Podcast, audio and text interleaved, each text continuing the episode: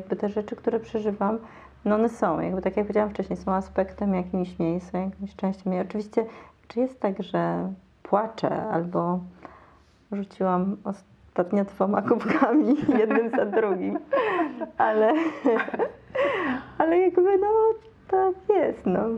Okej, Jeszcze kilka zostało. okej, rozumiem, rozumiem. No tak, ale to też jest e, bardzo fajne, e, że to nie chodzi o to, żeby kryzysów nie było. Mhm, I żeby też, żeby ich nie czuć, nie? Bo myślę, że dużo jest czegoś takiego, że jest negowanie takich e, negatywnych emocji. Mhm. Że nie ma Mhm. takiego przyzwolenia i że to jest jakby trochę w poczuciu winy przeżywamy to, jakby, a to jest właśnie, przecież przychodzi i odchodzi, jakby to się, Mhm. to się dzieje po prostu, każdy z nas przeżywa coś takiego, więc e, negowanie będzie tylko nabudowywaniem jakiejś po prostu niezdrowej e, atmosfery w sobie.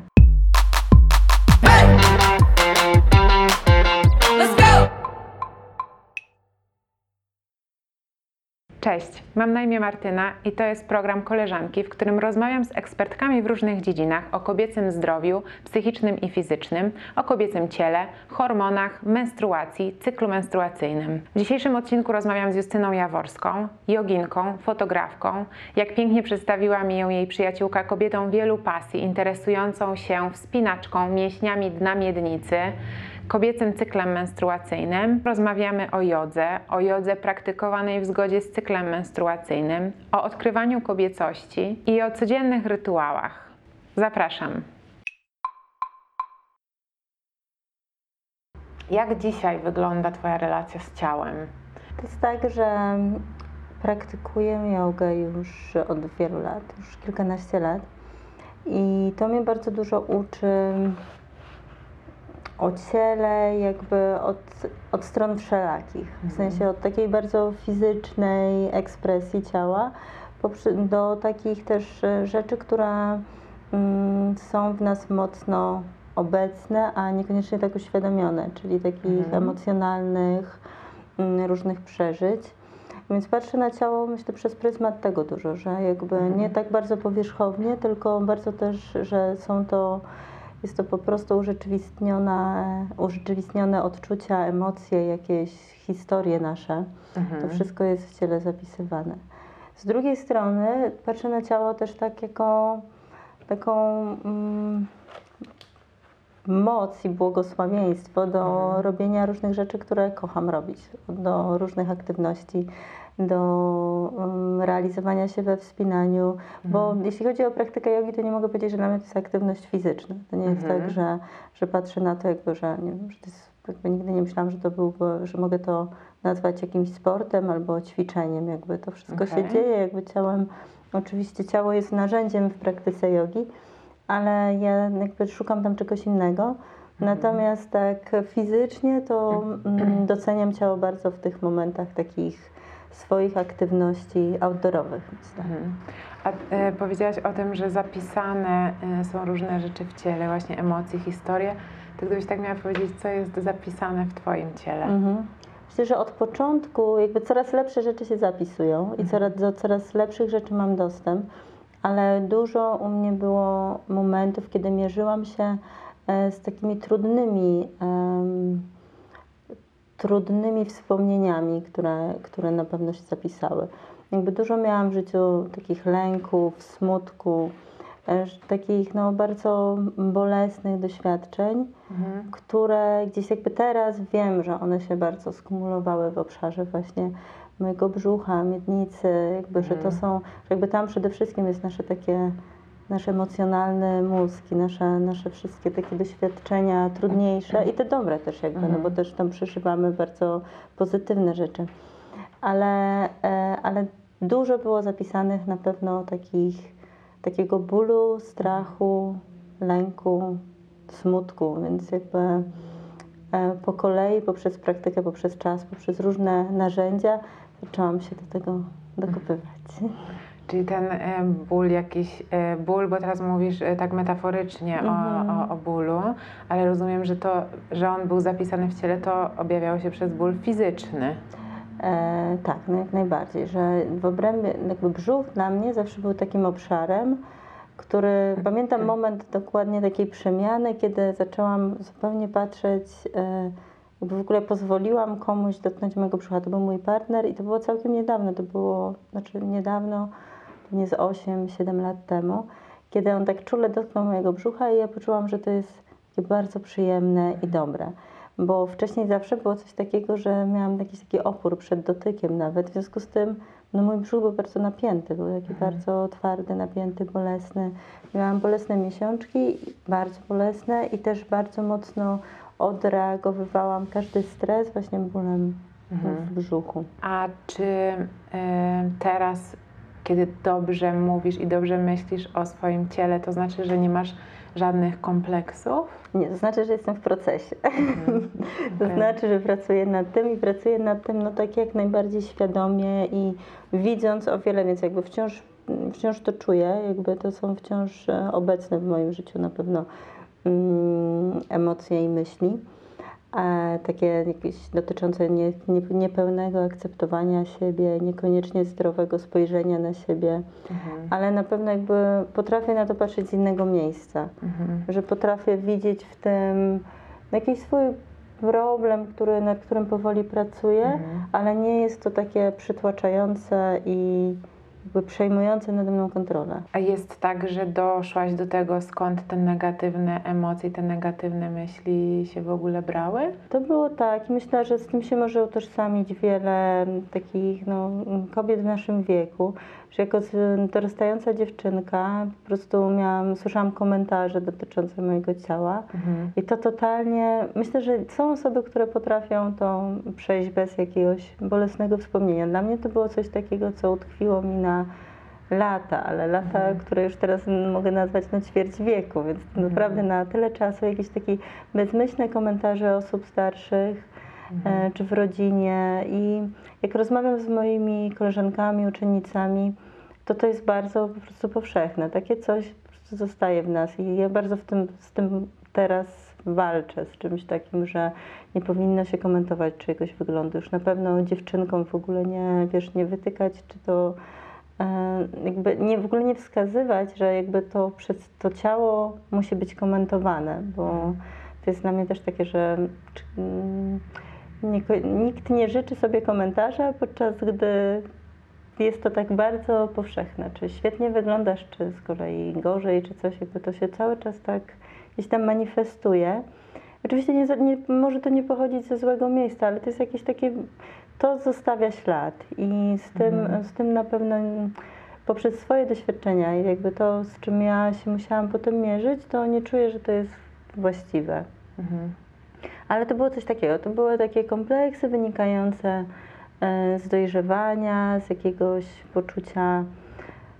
Nawet nie wiem, czy ja się wtedy czułam w związku z tym nieatrakcyjna. Ja się chyba po prostu czułam oceniana Mhm. i że w takim razie powinnam chyba coś z tym zrobić. To nie było takie uświadomione. I też bardzo szybko w moim wieku przyszłam na różne diety, na takie, no totalnie jakieś takie, myślałam, że mam Jakieś, e, nie było internetu, więc po prostu wszystkie jakieś magazyny, w magazynach przeczytane zalecenia żywieniowe dla po prostu pewnie 30-40-letnich kobiet. Ja jako dwunastolatka zaczęłam uznawać, że są dla mnie właściwe, no bo nie było też takiej edukacji. Myślę, że u mnie w domu też e, na pewno była troska, ale nie było też takiej przestrzeni na to, żeby, żeby wytłumaczyć takie rzeczy. Też no, mm, inna wiedza była, myślę, kilkanaście lat temu. Mhm. Czyli e, przeszłaś jakąś zmianę. Mhm. A to był jakiś taki konkretny, bo mówiłaś o konkretnym momencie, jeśli chodzi o brzuch, a był jakiś taki konkretny moment, y, jeśli chodzi o tą przemianę? Czy coś się wydarzyło takiego? Właśnie się zastanawiam, ale myślę, że tutaj bym bardziej się nastawiała, bo tak jak powiedziałam, że jestem w procesie, że, to, Mhm. że to wciąż trwa, że to jest taka, po prostu ewoluuje system, ewoluuje moja wiedza na ten temat, ewoluuje mój system gdzieś tam wartości. Na pewno praktyka jogi, ale ja mówię w takim bardzo holistycznym wymiarze, bo Mhm. Dla mnie praktyka jogi jest e, taką nauką o nas. Jakby jest e, czymś, co zbliża nas do natury, co, które pokazuje wiele prawd o nas samych Mhm. i jest takim świetnym narzędziem do obserwowania siebie. Poprzez praktykę asan obserwujemy oczywiście, jak zmienia się, wzmacnia, zdrowieje nasze ciało, ale też mierzymy się z takimi bardziej subtelnymi aspektami naszego istnienia. E, I bardziej o tym mówię, jak mówię o tej holistyce, że wiele rzeczy można sobie. Ja czuję, że dla mnie to jest taka droga, kiedy wiele rzeczy sobie mogłam ułożyć w sobie. Mhm. Po prostu dać sobie więcej troski, dać sobie więcej takiej czułości, zrozumienia, czasu. Mm, Więc e, na pewno dużo zawdzięczam temu. Co to Mm. znaczy y, dać sobie troski Hmm. więcej? Nie dużo jest, e, dużo jest troski, przejawia się w takim, takim self-care. Nie wiem, czy to jest słowo, znaczy to nie jest słowo.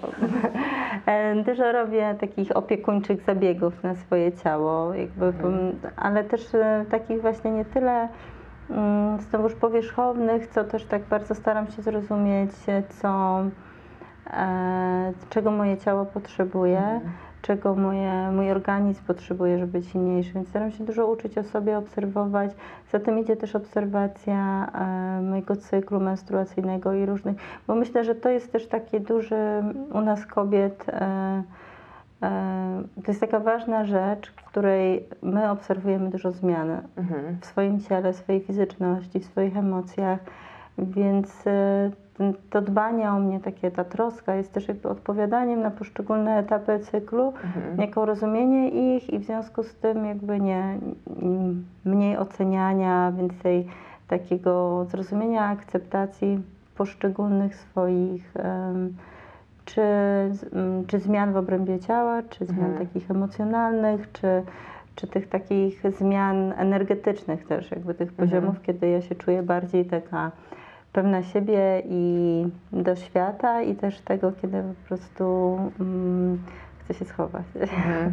Więc chyba taka troska, która po, po prostu bardziej polega na rozumieniu siebie jakby. To Mhm. bym, to, tak to bym chyba ujęła. To wszystko brzmi tak, jakby się zawsze wiedziało, czego się chce, czego się Mhm. potrzebuje, ale wyobrażam sobie, że, to nie, że w praktyce to nie zawsze tak wygląda. Pamiętam, jak jedna e, z moich rozmówczyń opowiadała e, o tym, że zaczyna się bardzo denerwować, Mhm. coś, coś się dzieje. Ona to tak śmiesznie powiedziała, że co ja w ogóle zrobiłam ze swoim życiem, do niczego się nie nadaje.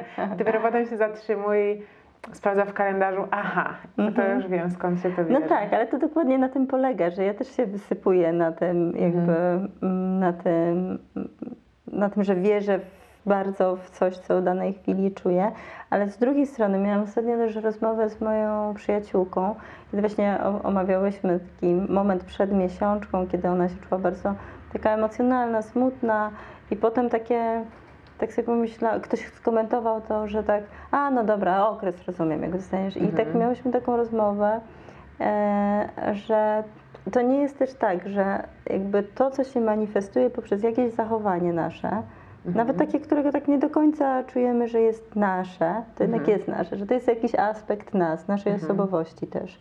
Że te hormony, które się zmieniają, to nie jest coś, co że jakiś po prostu jakiś obcy człowiek nas właśnie wszedł. To wszystko jesteśmy my i Mhm. właśnie rozumienie tego i że, bo mówię, że to wszystko brzmi tak ładnie i owszem, ale tak e, właśnie to ładnie brzmi też, e, dla mnie jest też tym, że jest się okej z tym, jak nie jest ładnie i nie jest Mhm. dobrze i nie No jest tak, tak, właśnie, wiesz, z, obrazka to wszystko, że jak masz ten słabszy moment, to też sobie tak myślisz, no okej, nie? Mhm.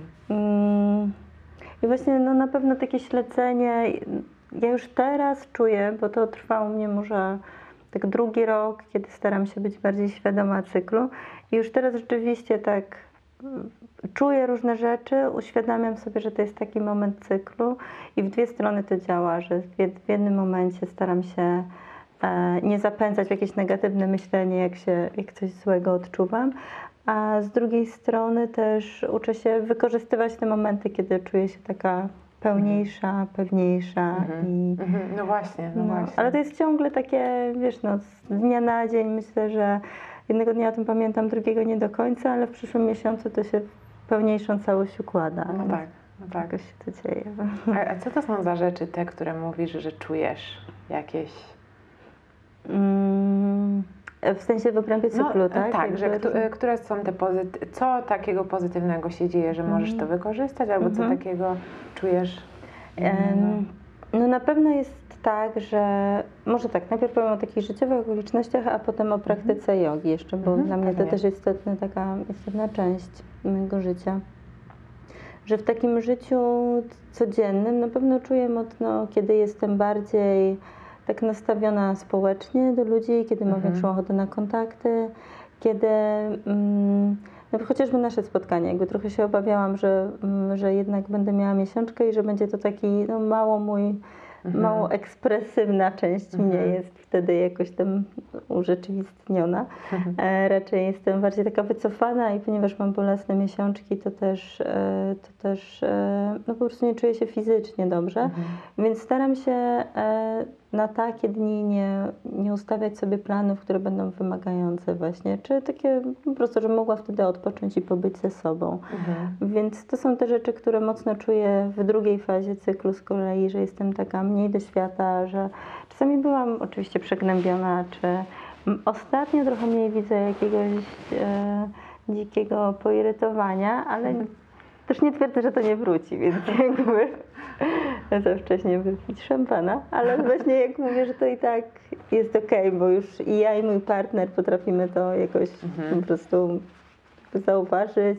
Nie, nie, że wyśmiać, ale uśmiechnąć się do, do tego, że to nie jest koniecznie jakby też takie um, ultra poważne, znaczy ultra problem, jak się z tego śmieję, bo w ogóle za tym nie idą jakieś negatywne, em, negatywne komentarze.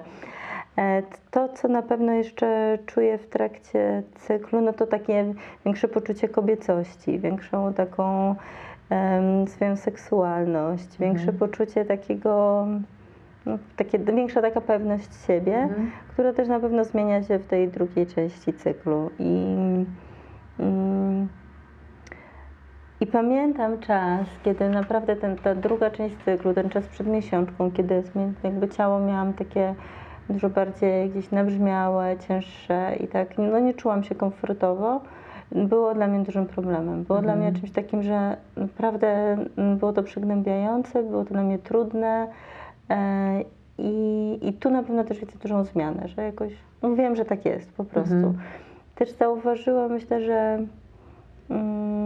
że ja się w ogóle zafascynowałam bardzo cyklem. Mhm. Jako czymś takim, że to jest takie magiczne, że my kobiety możemy, tak jak zmieniają się cykle roku, jak w pory roku, w cyklu rocznym, jak się zmieniają miesiące, jak jakby jest ten cykl tygodniowy, co z kolei dla mnie jest ważne, praktykując jogę, ale za chwilę do tego wrócę Tak.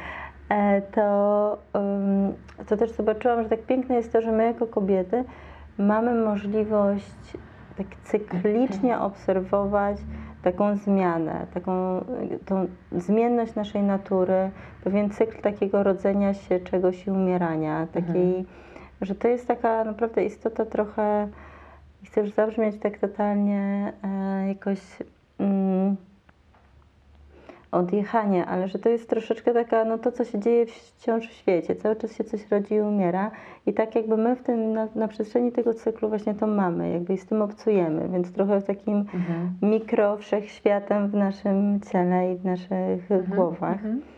Więc dla mnie to jest takie bardzo mm, filozoficznie też piękne i taka czuję, poczułam w którymś momencie taką też dumę z tego, że w ogóle jak ekstra jest to przeżywać, że e, miałam rozmowę z moim partnerem, tak myślałam sobie, że kurczę, wy macie tak smutno, tak płasko, tego on nie świadomi, że wcale tak nie jest, że mężczyźni również mają cykl, więc jakby Tak. już z tym tak.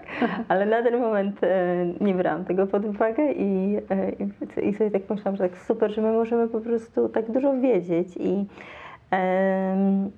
o sobie i o, o, natu- o naturze dzięki właśnie przeżywaniu cyklu. A wracając e, do tego, e, co czuję, jeżeli chodzi o cykl i praktykę jogi, Mhm. to w tym stylu jogi, który praktykuję, podchodzi się do praktyki tak, że praktykujemy, praktykujemy codziennie. Czyli w asztance. Tak, w asztance. Praktykujemy codziennie, praktykujemy tą samą sekwencję. Mhm. I e, em, no i oczywiście jest jakby pewna taka, jakby właśnie o to chodzi, żeby na tyle siebie znać i obserwować poprzez tą praktykę, że nie zawsze trzeba zrealizować dokładnie tą samą część, że jakby żeby wyczuwać, kiedy, kiedy niekoniecznie, mm, kiedy może potrzebujemy nie, nieco krótszą praktykę, mniej intensywną, ale jakby używa się tej, tych, tych samych narzędzi i codziennie. e, z jednym dniem przerwy w tygodniu, czyli 6 Mhm. dni w tygodniu, jeden dzień przerwy. W związku z tym też mamy taką cykliczność w obrębie tygodnia na przykład. Jakby Mhm. uczymy się, że na początku tygodnia, tygodnia po dniu przerwy z jednej strony ciało jest trochę sztywniejsze, ale może energii jest trochę więcej, bo Mhm. właśnie odpoczęliśmy, bardziej się wyspaliśmy. E, gdzie pod koniec tygodnia to na pewno będzie e, już taki no też słabszy trochę energetycznie Mhm. może być czas. A my jako kobiety mamy jeszcze ten cykl nakładający się na to nasz cykl menstruacyjny, który Mhm. też właśnie mi praktykując tak codziennie jakby dużo pokazuje, wręcz może wzmacnia te różne stany, różne fazy mojego cyklu, bo czuję dokładnie w praktyce, kiedy jest ten mocniejszy moment, kiedy jestem pełniejsza energii, kiedy ciało jest lżejsze i po prostu czuję się Mhm. taka silniejsza. I kiedy jest e, ten czas właśnie, kiedy te same rzeczy w ogóle tak nie wychodzą. Mhm. I też muszę to akceptować i też muszę jakby być z tym okej. Więc ta mądrość praktyki i mądrość cyklu bardzo mi się tutaj tak spotykają i jeszcze gdzieś tam więcej mnie uczą. Em, I może też przejdę do tego, z kolei jak ja praktykuję i uczę i zalecam praktykować dziewczynom u mnie w szkole, to jest, żeby bardzo brać pod uwagę nasz cykl menstruacyjny Mhm. że mając tą stałą sekwencję, mm, uczymy się też, nie wspomniałam wcześniej, że podczas miesiączki nie praktykujemy. W ogóle? W ogóle. Czy przez ile dni? Przez trzy dni? Przez trzy dni, jeżeli krwawienie jest silniejsze, to może cztery, Mhm. ale właśnie uczę też e, w taki sposób, żeby wyłapywać te sygnały i na przykład praktykować nieco lżej przed samą miesiączką, kiedy czujemy, że właśnie Mhm. No, mamy mniejszą też taką mobilność. Dziewczyny mają różne w sumie, różnie się przeżywa cykl, więc ja trochę sugeruję się swoimi może takimi objawami. Ale a i z kolei po przerwie, po praktyce też wracać stopniowo. Do- Po przerwie, po miesiączce wracać stopniowo do praktyki. Mhm. Czyli jeżeli na przykład miałyśmy półtorej godzinną praktykę, taką naszą regularną, to pierwszego dnia powrotu po miesiączce, żeby ta praktyka była skrócona, Mhm. pewnych pozycji jeszcze się nie robi i tak stopniowo, żeby to odbudowywać. Mhm. Więc żeby to się spotykało bardzo i żeby mieć synchronizowaną tą jakby, to co powiedziałam wcześniej, że dla mnie praktyka jogi jest tym, co zbliża mnie do natury, jakby do natury Mhm. wokół, do natury mojej własnej, więc jakby chcę z tego czerpać też. No, Mhm. Trudno tutaj ominąć cykl menstruacyjny. Mhm. A to jest e, takie podejście, o którym mówisz, to jest coś nowego? Wiesz co, myślę, że tak, bo w sensie mnie nikt tak nie uczył. Mhm. Mnie nikt tak nie uczył, jak praktykuję od 15 lat. No zobacz, to jest bardzo ciekawe, dlatego że mówisz, że tyle razy wyjeżdżałaś do Indii. Wyobrażam sobie jakby, że e, no, świadomość e, ciała jest ogromna Mhm. wśród e, nauczycieli jogi, Mhm. A dobrze to odbieram, że jakiś taki istotny aspekt został gdzieś Znaczy nie, to tak nie do końca, bo jeśli chodzi o samą miesiączkę, to mój nauczyciel taki mm, przez wiele lat główny Mhm. zawsze mówił, żeby właśnie to nazywamy to Ladies Holiday Mhm. i mówił, żeby o, nie praktykować w te Mhm, dni. mhm, A potem po powrocie do praktyki, jeżeli jeszcze się jest krwawienie, to żeby nie robić pozycji odwróconych. Więc to Mhm, zawsze mhm. było jakby, jeśli Aha, chodzi o aha. praktykę asztangi, to to było Okej. zawsze takie bardzo silne. To była jedna z tych rzeczy, która też myślę mnie bardzo uwrażliwiła już, bo zanim zaczęłam praktykować, wprawdzie praktykuję no już długo, bo od 22 roku życia. Mhm. Więc, e, więc dosyć szybko w takim, no w takim czasie stawania się bycia kobietą młodą zaczęłam praktykować. Mm, I pamiętam, że wcześniej no to cykl dla mnie był czymś takim, miesiączka była tak, no, taka problematyczna. To nie było Mhm. nic jakby, czegoś tam nie mogłam robić, nie było mi, ja miałam właśnie od zawsze dosyć bolesne miesiączki, więc to było taki, ale też nie za wiele się mówiło. Moja mama pojechała ze mną do ginekologa, żeby, e, żeby gdzieś te objawy wyciszyć bolesności, Mhm. ale, ale nie było dużo też, no nie wiem, na lekcjach WF-u też to nie było tak, bo raczej to było krępujące wszystko. Mhm. Więc jak zaczęłam praktykować asztangę, to dla mnie to było takie, y, i przez długi czas praktykowałam z nauczycielami mężczyznami, to dla mnie było takie bardzo odświeżające, że od razu jest taki komunikat do mężczyzny, że jak masz miesiączkę, to nie Aha. praktykujesz. No Więc tak. y, tak. Ja bardziej teraz co powiedziałam, że mnie nikt tak nie uczył, to było o tą, jakby, o tą świadomość cyklu i Mhm. praktyki. Dopiero od trzech lat praktykuję z taką nauczycielką w Indiach, z taką bardzo wyjątkową kobietą, matką, która duży, duży nacisk kładzie właśnie na to, żeby, że przede wszystkim praktyka jogi to jest to, żeby, żeby słuchać siebie, obserwować siebie, żeby, Mhm. że, że to jest mm, że to jest mądrość naszego ciała, która, która jest do odczytania przez Mhm. praktykę. Mhm. Też mówiłaś wcześniej, że, że jesteś w procesie e, Mhm. różnych zmian, no i to wiadomo, że ten proces też trwa i przychodzą różne też trudniejsze i łatwiejsze momenty. E, I mm, jakie to są dla Ciebie takie momenty kryzysowe w tym procesie i jak z nich wychodzisz, żeby z powrotem wrócić na tą ścieżkę? E, nie uważam, że z tym e, trzeba walczyć. Mhm. Jakby to wszystko trzeba czuć. Jakby dla mnie jest Mhm. tak, że mm, nie chciałabym tego nie czuć, że Okej. rozwiązanie sytuacji nie polega na tym, takiego kryzysu, żeby to gdzieś tam wymazać nie? Mhm. i odsunąć. Mm, Jeszcze mm, odnośnie procesu, to równolegle z, jakby z em, tymi różnymi Mhm. obserwacjami jestem też e, w terapii metodą Gestalt, która też jakby dużo, mm, dużo naszych, mówi do, dużo o emocjach i przeżyciach i ciele, Mhm. ale też o tym właśnie, żeby czuć i oddychać. I to jest też to, co robimy w praktyce asztangi, że pojawia się, myślę, że dużo jest w sumie mądrości, którą z praktyki, którą przykładam na życie, bo w praktyce pojawiają się często wymagające momenty. Mhm. Są szczególnie wymagające pozycje, które wymagają takiego spokoju i takiego właściwego, łagodnego podejścia, Mhm. ale pełnej obecności w tym. Mhm. Że trochę nie bagatelizowania tego, tylko właśnie czucia, przeżywania, jakby takiego bycia w jakimś dyskomforcie. Mhm. Bo tak naprawdę każdy dyskomfort może się trochę rozpuścić, trochę rozluźnić, trochę zmienić. yy. I myślę, że podobnie podchodzę tutaj, że jakby te rzeczy, które przeżywam, no one są, jakby tak jak powiedziałam wcześniej, są aspektem jakimś mnie, są jakąś częścią mnie. Oczywiście, czy jest tak, że płaczę albo rzuciłam ostatnio dwoma kubkami, jednym za drugim, ale, ale jakby no tak jest, no. Okej. Jeszcze kilka zostało. Okej, rozumiem, rozumiem. No tak, ale to też jest e, bardzo fajne, e, że to nie chodzi o to, żeby kryzysów nie było. Mhm. I żeby też, żeby ich nie czuć, nie? Bo myślę, że dużo jest czegoś takiego, że jest negowanie takich e, negatywnych emocji. Mhm. Że nie ma Mhm. takiego przyzwolenia i że to jest jakby trochę w poczuciu winy, przeżywamy to, jakby, a to jest właśnie, przecież przychodzi i odchodzi, jakby to się, Mhm. to się dzieje po prostu, każdy z nas przeżywa coś takiego, więc e, negowanie będzie tylko nabudowywaniem jakiejś po prostu niezdrowej e, atmosfery w sobie. Mhm. Wspominałaś mi też, jak rozmawiałyśmy pierwszy raz o tym, że tym Twoim procesie wspierają Cię różne osoby, od Mhm. których możesz się uczyć. Co to są za osoby i w, w czym Ci pomogły, Mhm. e, albo w jaki sposób Cię gdzieś też prowadziły. E, Na pewno właśnie dużo zaczęło się od e, nauczycielki, której wspominałam Mhm. wcześniej.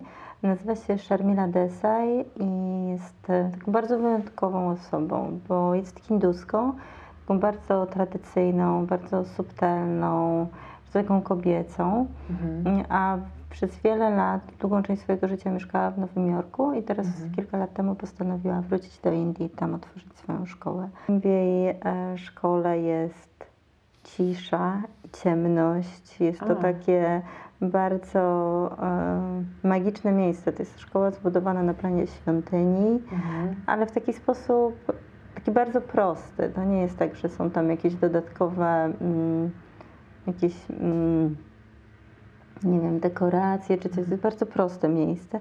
Natomiast jest otoczone totalnie takim bujnym ogrodem, gdzie mm, no, światło jest totalnie śliczne, rano wpadające przez takie wielkie okna i liście otaczających drzew. To wszystko mm, przenosi cię w trochę inny świat. Mhm. Ona też o ten ogród sama dba. Ona e, ma dwie kobiety do pomocy, z którymi, więc jest taka bardzo kobieca energia wokół tego miejsca. Prowadzi swoją szkołę w taki wyjątkowy, taki bardzo kompletny sposób. W sensie, że widzimy ją jako nauczycielkę, jako matkę, jako osobę bardzo skupioną na każdej pojedynczej osobie.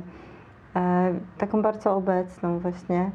I e, bardzo, bardzo dużym ciepłem i uwagą darzy kobiety, szczególnie kobiety w ciąży, które tam Mhm. są, dużo uwagi im poświęca, więc spotkałam takie bardzo kobiece, czułe podejście i też e, chyba to było w ogóle poznanie jej i jakby obserwowanie jej takiego życia rodzinnego, skupionego wokół praktyki i uczenia innych, było też dla mnie takim trochę momentem zwrotnym, jeśli chodzi o myślenie o rodzinie, o mnie, jakby jak to sobie wyobrażam, było to Aha. takie bardzo inspirujące, mm, inspirujące na mnie osoba.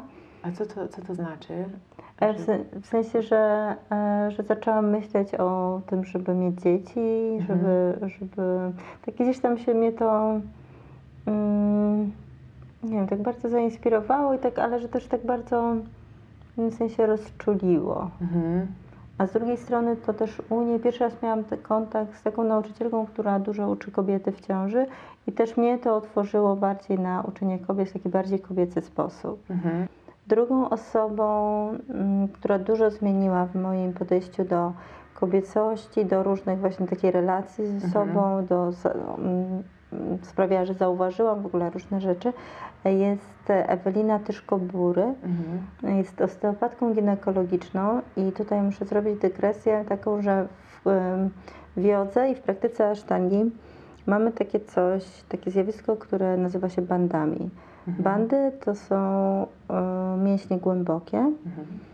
tyle że przez wiele lat jakoś w taki nie, nie do końca właściwy sposób komunikowane było w jaki sposób, jak z nimi pracować, z tymi Aha. mięśniami głębokimi.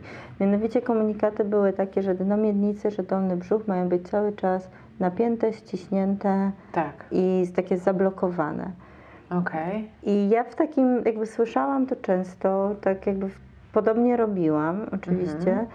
E, I coś mi się po prostu przestało zgadzać. Jakoś Okej. sama poczułam taki niepokój, że to nie jest, jakoś nie do końca czuję, że to jest właściwe. Nie do końca czuję, że to jest ten język w ogóle, takie mówienie o tym, co ja mam, bo z jednej strony w jodze cały czas się ruszamy, Mhm. oddech, jest, jest duże skupienie na oddechu, który ma bardzo tak płynąć i podążać, podróżować po naszym ciele, a z drugiej strony jest jakiś, Jedno a to jakieś ściska. miejsce, Tak. tak. Więc tak właśnie z, tą, z tym takim niepokojem, który też był mm, jakby mm, wzmocniony tr- trzema rzeczami, że byłam, e, e, miałam bardzo bolesne miesiączki. Ja też tak czułam, że no skoro pracuję, to mięśniami głębokimi, skoro wydawało mi się, że to ja mam właśnie takie porobione, że to jest to, co może mnie boleć, czyli ja praktykuję jogę, to to wszystko we mnie powinno być takie zdrowe i absolutnie Że nie jakieś że nie powinno, bo myślałam, że już coś robię w tym. Poza tym, Mhm. mm, jeśli chodzi o dno miednicy, to myślę, że przez długi czas było takie podejście, że problemem jest osłabione dno miednicy. A ja No czułam, że tak, mam tak. mocne, no bo przecież Mhm. cały czas pracuję, zaciskam jakby, więc na pewno Mhm, wszystko się mhm. zgadza. E, więc to był jeden taki mój niepokój. Drugi był taki, że, mm, że miałam bolesne współżycie i to też było takie, no jakby oczywiście nie było na mnie komfortowe. E, gdzieś tam mnie zastanawiało. Nie chciałam to zmienić, ale z trzeciej strony, no to wszystko nałożyła się też śmierć mojej mamy, więc Mhm. to było chyba kilka miesięcy albo w rok po śmierci mamy, jak poszłam do Eweliny, więc czułam też, że jest dużo emocjonalnie, jakby coś emocjonalnego przeniesionego na ten obszar, no bo już jakby z taką wiedzą o sobie i ogólnie taki holistycznym jakby podejściu do Mhm. naszego ciała, no to miałam świadomość tego, że, że takie, takie przeżycie na pewno Mhm. odbija się w naszym ciele, a szczególnie właśnie w miednicy, w brzuchu. Mm, I właśnie trafiłam do Eweliny, e, która no totalnie wyprostowała moje myślenie, jeśli chodzi o, um, o, o to, co to jest dno miednicy, Mhm. co to jest zdrowe dno miednicy, że to jest wydolne dno miednicy, czyli to jest Wydolne znaczy nie to zna- to znaczy, że jest się w stanie aktywizować i kompletnie rozluźnić Aha. że ma zdolność do właściwej, e, właściwego aktywizowania w potrzebnych momentach, w sytuacjach takich jak kichamy, kaszlemy, żeby podtrzymywać organy naszej miednicy mniejszej, ale musi być też e, właściwie, jakby kompletnie, być w stanie kompletnie się rozluźnić. Musi być też po prostu, że to jest wydolne, że nie silne wcale, a wręcz odwrotnie, to moje całe ciągłe na, zaciskanie Hmm. i napinanie powodowało tylko zmęczenie Nie miałam problemu nigdy dolegliwości takich jak wysiłkowe nietrzymanie moczu, które jest jedną z pierwszych dolegliwości przy osłabionym dnie miednicy, Mhm. ale miałam na pewno zbyt duże ogólne takie napięcie.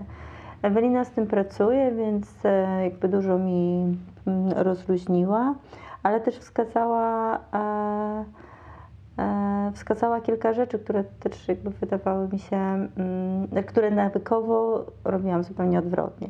Jak na przykład oddychanie do klatki piersiowej, a w ogóle nie do brzucha, bo brzuch Mhm. zawsze musiał być płaski i wciągnięty, więc Hmm. jakby to też jest jedna z rzeczy takich właśnie wyniesionych przez lata, myślę, takiego podejścia do swojego ciała, no ale też e, potęgowanych przez różne, to co oferują nam firmy odzieżowe, okroje ubrań, jakby jeśli chodzi o obcisłe ubrania, no to nie są dla nas zdrowe ubrania. Więc, e, więc wyjaśniła mi konieczność i umiejętność, uczyła mnie oddychać do brzucha i naprawdę było to dla mnie wysiłkiem. O ile po prostu mogłam brać kilkuminutowy oddech, bo, bo znaczy oczywiście przesadzam, ale, Mhm. ale oddech taki do klatki, miałam taki bardzo spokojny, powoli, to do brzucha był naprawdę takim, że musiałam się bardzo mocno skupić Mhm. I to był wysiłek wręcz, taki bardziej z głowy, że to musiałam coś odpuścić ciekawe. dużo, żeby... I trzecią mm, kobietą dla mnie taką ważną mm, z innej dziedziny jeszcze to jest Julia, moja przyjaciółka, e, z, która od w sumie już chyba trzech lat jakby u niej się leczę. W tym sensie, że jak pojawiają się u mnie jakieś dolegliwości, to się zawsze z nią konsultuję. Bo to jest osoba, która zajmuje się medycyną chińską, Mhm. ale w takim bardzo też holistycznym, moje ulubione słowo, ujęciu, Mhm. ponieważ po pierwsze Julka jest z Syberii i bardzo dobrze, jest mniej więcej w moim wieku, więc bardzo dobrze zna takie realia Europy Wschodniej, Środkowej. Mhm. Jakby my jako nastolatki, mniej więcej jak Mm. dojrzewałyśmy, jako dziecko, dzieci, co jadałyśmy na śniadania, więc potrafi gdzieś tam jakby prześledzić trochę naszą takie... Mhm. A to ma Mm, znaczenie co do tego, w jaki sposób Ci pomagać dzisiaj. Tak, ma, bo w związku z tym Mhm. mamy jakieś predyspozycje, mamy Aha. jakieś też takie mm, z przeszłości po, pochodzące, zakorzenione, nazwijmy to problemy, ale Mhm. jakby no, niekoniecznie to musi być jakaś problematyczna sytuacja, ale po prostu prześledzić, no nie można patrzeć na dolegliwość tutaj, tylko jakby co się spowodowało, z czegoś Mhm. ona em, wyrosła. E, Więc e, Julka bardzo fajnie to potrafi odnieść się do tego po prostu, do, do nas tutaj. Mhm. E, Druga rzecz, którą um, u niej cenię, to jest to, że za, dając zalecenia, i ona daje dużo zaleceń, jeśli chodzi o dietę, o styl życia, i Mhm. one przekładają się na realia, których żyjemy. W sensie, że jak jesteśmy, jak jestem w Indiach, to ona mi mówi, co ja wtedy mam w Indiach sobie brać przez najbliższe dwa tygodnie. Mhm. Ale kiedy jest tutaj w Polsce, to korzystamy z polskich Mhm. e, czy ziół, czy składników, czy... I właśnie trzecia rzecz, która jest taka bardzo ważna u niej, jest to, że mówi, że to nie ona mnie wyleczy, tylko jedzenie i styl życia. Że ona Mhm. przywraca, przywraca pewną równowagę, e, daje pewne wskazówki i narzędzia, ale to od nas zależy po prostu w, jaki, w, jakim, w jakim, jakie będzie nasze zdrowie od tego, jak będziemy żyć i co jeść. Mhm. Mm, I czwarta rzecz to to, że bardzo też odnosi się do cyklu. Bardzo Mhm. się odnosi, podaje różne wskazówki, na przykład co jeść w konkretnych fazach, co Mhm. jeść. em, Różne też daje wskazówki co do właśnie takiego self-care'u, jak głasza, jak masaże, jak, Jak to, to jest to. Głasza to jest taka, taka płytka kamienna do mm, takiego automasażu, nazwijmy to w skrócie. Mhm. No, różne części ciała w różnych, czy na układ limfatyczny bardziej pomocna, Mhm. czy może być też takim zabiegiem beauty odprężającym na twarz. Mm, ale właśnie daje takie narzędzia.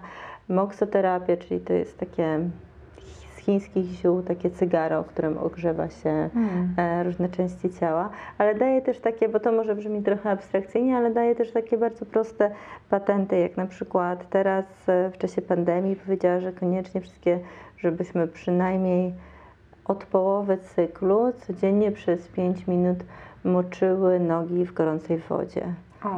Więc e, i piły dużo imbiru z- i naparu z imbiru i jagód, też przynajmniej przez tą pierwszą, przez tą całą drugą połowę cyklu do miesiączki. Kiedy pierwszy raz trafiłam do Julki i tak mm, określiła moje jakby tak, tak, tak może tak generalnie, mm, znaczy tak określiłam moją wtedy kondycję, podając jakby tak przykład, że to jest w ogóle takie nasze pokoleniowe, że mamy bardzo dużo gorąca w górnej części ciała, Mhm. które wywodzi się też od jakby różnych takich emocji, znaczy, znaczy, bo w ogóle no, w medycynie chińskiej każdy organ, każdemu organowi odpowiadają jakieś emocje, więc że jest dużo e, złości, żalu, strachu, jakby takich Mhm. intensywnych gdzieś tam przeżyć nierozwiązanych i one są właśnie tu skumulowane, w związku z tym tutaj mamy tak, dużo takiego wewnętrznego gorąca, a od pasa w dół mamy, jesteśmy bardzo wychłodzone. Mhm. I to, co powiedziała, to, co mnie tak bardzo przekonało, mówi, bo wiesz, no, że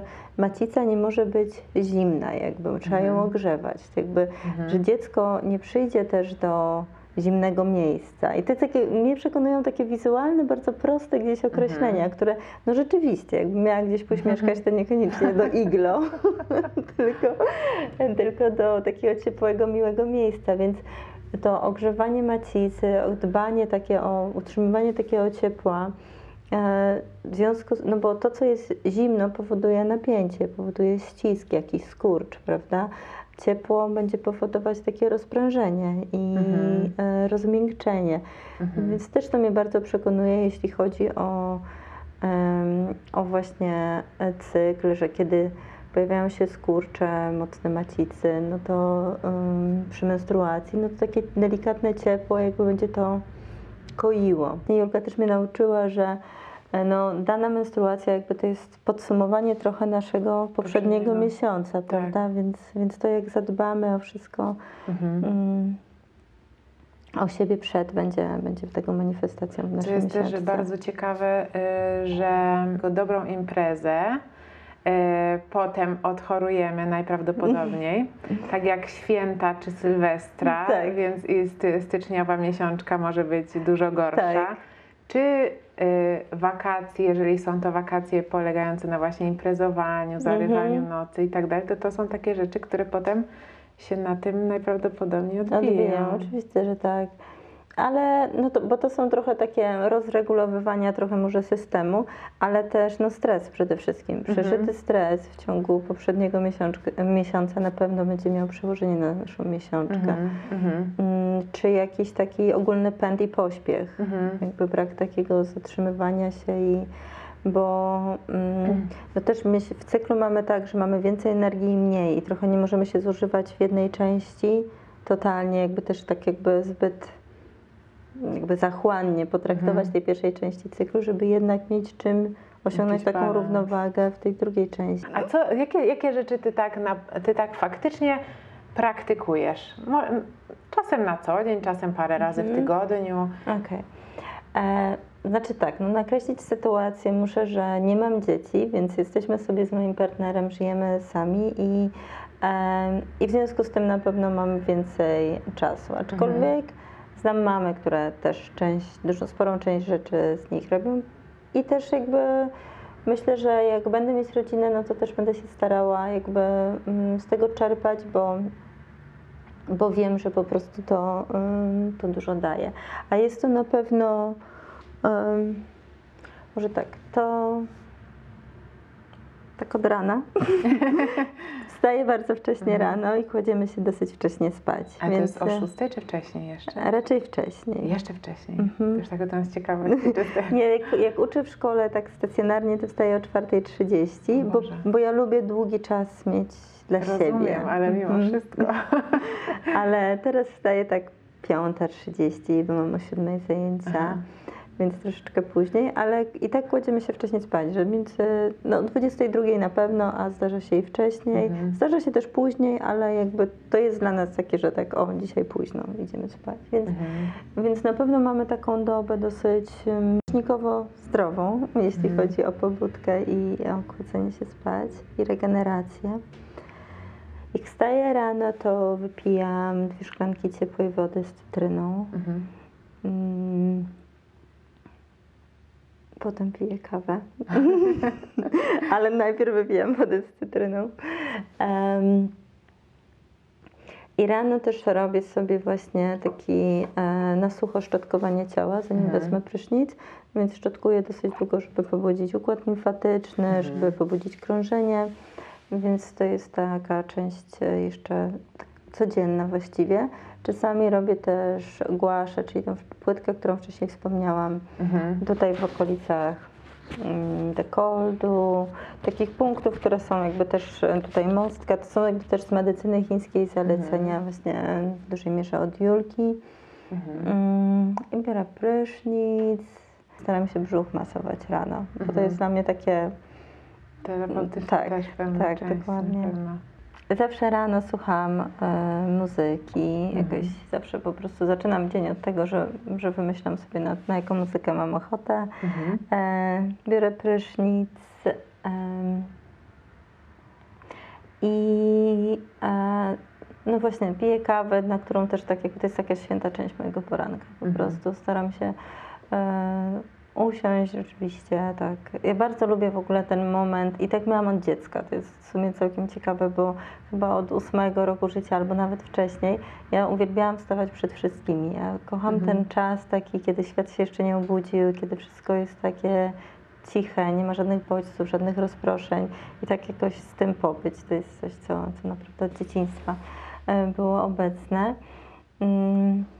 I w zależności, czy mam czas na swoją praktykę, czy idę uczyć, czy uczę teraz online, e, to czasami siadam, staram się medytować, e, bo jeżeli uczę od razu rano, to staram się usiąść i pomedytować, bo swoją praktykę robię już później po uczeniu.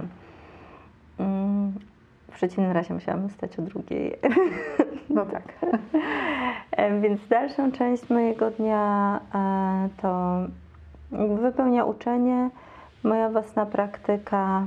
To jest codzienna praktyka, mm, około pewnie półtorej godziny. E, To, co jest też ważnym elementem mm, u mnie w życiu, to taka dieta bazująca na roślinnych produktach. Mhm. I też w ogóle kontakt z naturą. I ostatni czas troszeczkę to tak zakłócił, oczywiście i rozregulował, ale staram się bardzo dużo czasu spędzać gdzieś blisko natury. E, Uciekamy do lasu i ogródka rodziców po No prostu coraz częściej. E, I jeszcze pewnie jakieś wieczorne masz takie Wieczornych mam mało, e, mało jakichś rytuałów. E, Jest to Netflix. Co, coś, z czym można się wreszcie utożsamić. Więc tak, wieczory są zdominowane przez seriale. Okej. No dobrze. A gdybyś tak miała e, po, po trosze podsumować jakby e, co, co daje Ci świadomość cyklu? Myślę, że to jest tak ważna część naszego życia, że po prostu nie można tego ignorować. I em, myślę, że też ja mam 37 lat i zajmuję się tym od kilku lat. I tak mam takie poczucie, że, że trochę tak jakby, jakby no mój cykl jest ze mną od 14 roku życia albo 13. Więc trochę też późno się to zadziało. Że myślę, że też e, nasza taka kultura europejska trochę to negowała, trochę w którymś momencie wdarł się taki model, żeby to trochę ignorować, bo trzeba tak dawać radę, być takim zaradnym w każdym momencie, Mhm. być takim gotowym i obecnym, co um, tak jakby wcześniej tak nie było. I w kulturach e, azjatyckich Mhm. ja pamiętam e, opowieści z Indii, kiedy też teraz tam się, też się zmieniło, ale w takim tradycyjnym domu indy, hinduskim e, kobiety, matki na czas menstruacji szły do domu swoich mam. Mhm. I to nie jest tak, że to było jakieś negowane, tylko to właśnie było celebrowane. To było takie z szacunkiem odnoszenie się do tego, że kobieta, żeby odpoczęła, pobyła z innymi kobietami. Mhm. Em, że takie kultywowanie tego bardziej niż właśnie negowanie. Myślę, że wpadanie w taki rytm, że codziennie ma być tak samo, jest właśnie takim bardziej zaprzeczaniem tej, tej naszej mm, już takiej mądrej natury. Mhm. To jeszcze chciałam Cię teraz poprosić, żebyś mi powiedziała o tych książkach. Dobrze, tak, przygotowałam zestaw, żeby o żadnej z tych ważnych nie zapomnieć. E, Książka Healing with Whole Foods jest e, tłumaczona na język Mo- polski. Ja ją wyjmę, dobra? Dobra, Żeby pewnie. to było tak może Albo w trochę... ogóle możesz sobie tak Albo może od góry a, a jest mo- Czekaj, no teraz boję się, żeby to, bo ta jest akurat taka Najcięższe. gruba. Okej, dobra, No. wszystkie przeżyły. Dobra. Dobra. Ta książka niesie ze sobą właśnie. E, Prezentacja. ta książka niesie ze sobą, e, mówi o zasadach e, medycyny chińskiej, ale właśnie dużo przekładając to, darząc dużo wskazówek na nasze gdzieś tam lokalne i bardziej obecne e, produkty, bo tu jest głównie skupienie na leczeniu się dietą po prostu i, i produktami. Mhm. I, i o komponowaniu posiłków, i o różnych leczeniu różnych dolegliwości za pomocą właściwego odżywiania się. Mhm. I ona, ma ona jest przetłumaczona na język polski i dostępna Aha, na pewno, więc e, Dobrze. E, To jeszcze raz. Healing with Whole, Whole Foods. Mhm. Asian Traditions and And Modern Nutrition. Okej, super. I podobnie jest książką tak Christian Northrup, To ja tutaj będę odkładać. Czyli Women's Bodies, Women's Wisdom. Okej. I ona też ma tłumaczenie na język polski. Ja po prostu większość tych książek kupiłam za granicą, Mhm. dlatego tu jest więcej odniesienia do kobiecości, więcej takiego do różnych e, mm, do różnych zagadnień związanych z kobiecością, od e, chorób jajników, braku owulacji, poprzez aborcję, po wszystkie takie mm, i emocjonalne, i, em, i takie fizyczne, Mhm. e, kobiece zagadnienia. Dobra, to też zabiorę. Tak, to dalej. I teraz niestety znowu będzie może z dołu, to będzie Dobra. tak najprościej mi teraz tematycznie przejść, okej. bo to jest to, o czym wspominałam, jeśli chodzi o odżywianie się zgodne z cyklem. Mhm. To Healthy Hormones Practical Guide to Balancing Your Hormones. I to albo jest już po polsku, bo mnie to gdzieś też Tak, mignęło. to może już być. No i tu są przepisy i jest wyjaśnione po kolei fazą cyklu, mm, do kolejnych faz cyklu zalecane odżywianie. Mhm. E, I też takie wpływanie na wspieranie płodności, więc jakby tu Mhm. jest dużo też o tym jakby, e, ale nie tylko dietą, tylko też właśnie jest holistycznie Mhm. e, opisane, jak aktywność fizyczna jest ważna, odpoczynek, emocje, Mhm. więc em, trudno mówić o hormonach w oderwaniu od emocji, więc tu też jest to podkreślone. To idźmy dalej. Dobra. Może wyciągniemy tą ze środka. Dobra. Wild Power to jest właściwie pierwsza książka, była ze mną w Indiach dwa razy, dlatego jest taka brudna. E, To jest pierwsza książka, która e, na, chyba na którą trafiłam i zaczęłam się tak bardziej interesować tą świadomością cyklu menstruacyjnego Mhm. jako właśnie siłą, bo Mhm. tutaj e, dziewczyny, wydaje mi się, że jedna jest Brytyjką, druga Amerykanką, ale nie jestem, nie, nie, nie jestem pewna, więc nie mieszam. E, dziewczyny piszą właśnie o tym, jak taka świadomość naszego cyklu, kontakt z tym i takie zdrowe przeżywanie od małego, od początku, od, od pierwszej menstruacji, Mhm. e, zdrowe przeżywanie naszego cyklu kobiecości i też menopauzy, jaką jest olbrzymią siłą, jaki daje, może dać poczucie po prostu mm, wewnętrznej takiej siły, w pewnym sensie sprawczości, takiego, mm, takiej mocy. Mhm. E, kiedy, I to jest taki przewodnik po tym właśnie, jak to zrobić, jak obserwować. A m, na pewno też ważne to jest, bo wiele kobiet w naszym wieku już niedługo będzie miało dzie- córki, które, które właśnie mają pierwszą miesiączkę, żeby ten moment jakoś dobrze zaakcentować, żeby dobrze Mhm. to przejść wspólnie, żeby już zasiać jakby taką Tak. dobrą, mm, e, dobrą informację jakby w ten, w ten nowy etap życia. Mhm. E, Ta książka, autorki tej książki również prowadzą e, podcast i mają stronę Mhm. internetową. Szkołę tak, nawet. mają szkołę online, takie, Mhm, więc mhm. jakby dużo, dużo działają w sieci. Tak. Z tego co wiem, to jeszcze nie jest przetłumaczone na język polski. Może, może to się zmienić, może Mhm. coś się dzieje, ale na Ale póki co jest, jest bardzo dużo różnych źródeł po angielsku. Tak. Tak. Co dalej? Odkładam. Tak.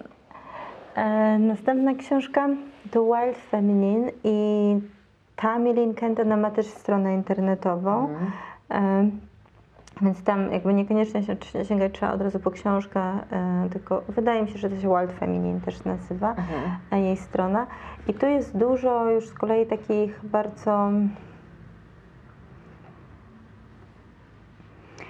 takich wskazówek, różnych takich wyjaśnień, e, troszeczkę bardziej, trochę głębszych, jeśli chodzi o różne dolegliwości e, kobiecości, o różne takie, o nawigowanie naszą, o takie są, tak, takie po prostu takie, mm, takie rozum, zrozumienie takich trochę głębszych aspektów kobiecości. Trochę to brzmi może tak dziwnie. Nie, to jest właśnie tak bardzo, em, mm, tak bardzo nie naukowo Mhm. podjęty temat. Jest taki, jest dużo medytacji na Mhm. poszczególne Tak duchowe, problemy. Tak, tak. Mhm. W, te, w tym Mhm. sensie Mhm. poprowadzone są historie różnych kobiet, takich bardzo też różnych przeżyć, różnych emocjonalnych i wychodzenie z jakichś problemów poprzez taką uwagę, medytację, skupienie się tak bardziej energetycznie, emocjonalnie na Mhm. czymś. Dobra, już nam się stosik bardzo pomniejszył. I teraz ostatnia jest 13 pierwotnych matek klanowych. No właśnie, Którą to brzmi, odkryłam- y, Tak, enigmatycznie. nie mogłam zapamiętać tego tytułu, absolutnie.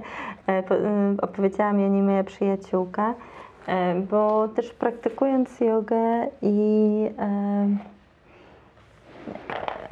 em, obserwujemy też cykle księżyca.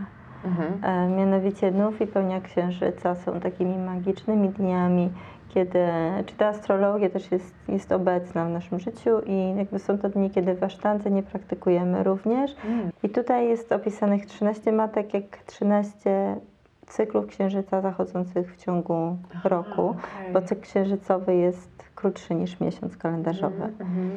Więc e, i każda matka odpowiada innemu aspektowi kobiecości i naszego takiego, dużo jest o siostrzeństwie, o roli mm, kobiety na świecie, ale też takiej, to się wywodzi z indyjskich plemion, Mhm. opowieści z indyjskich plemion, ale w taki bardzo czuły, piękny i znowuż magiczny sposób jest ta książka przetłumaczona i e, jest taka bardzo poruszająca, naprawdę Hmm. się czyta. Ja to zawsze czytam w trakcie, w pierwszych dniach miesiączki, bo ja czuję, że to jest takie bardzo odpowiednie na wtedy. Em, No to fajne. tak, To też jakiś taki mały rytualik. o, tak, dokładnie.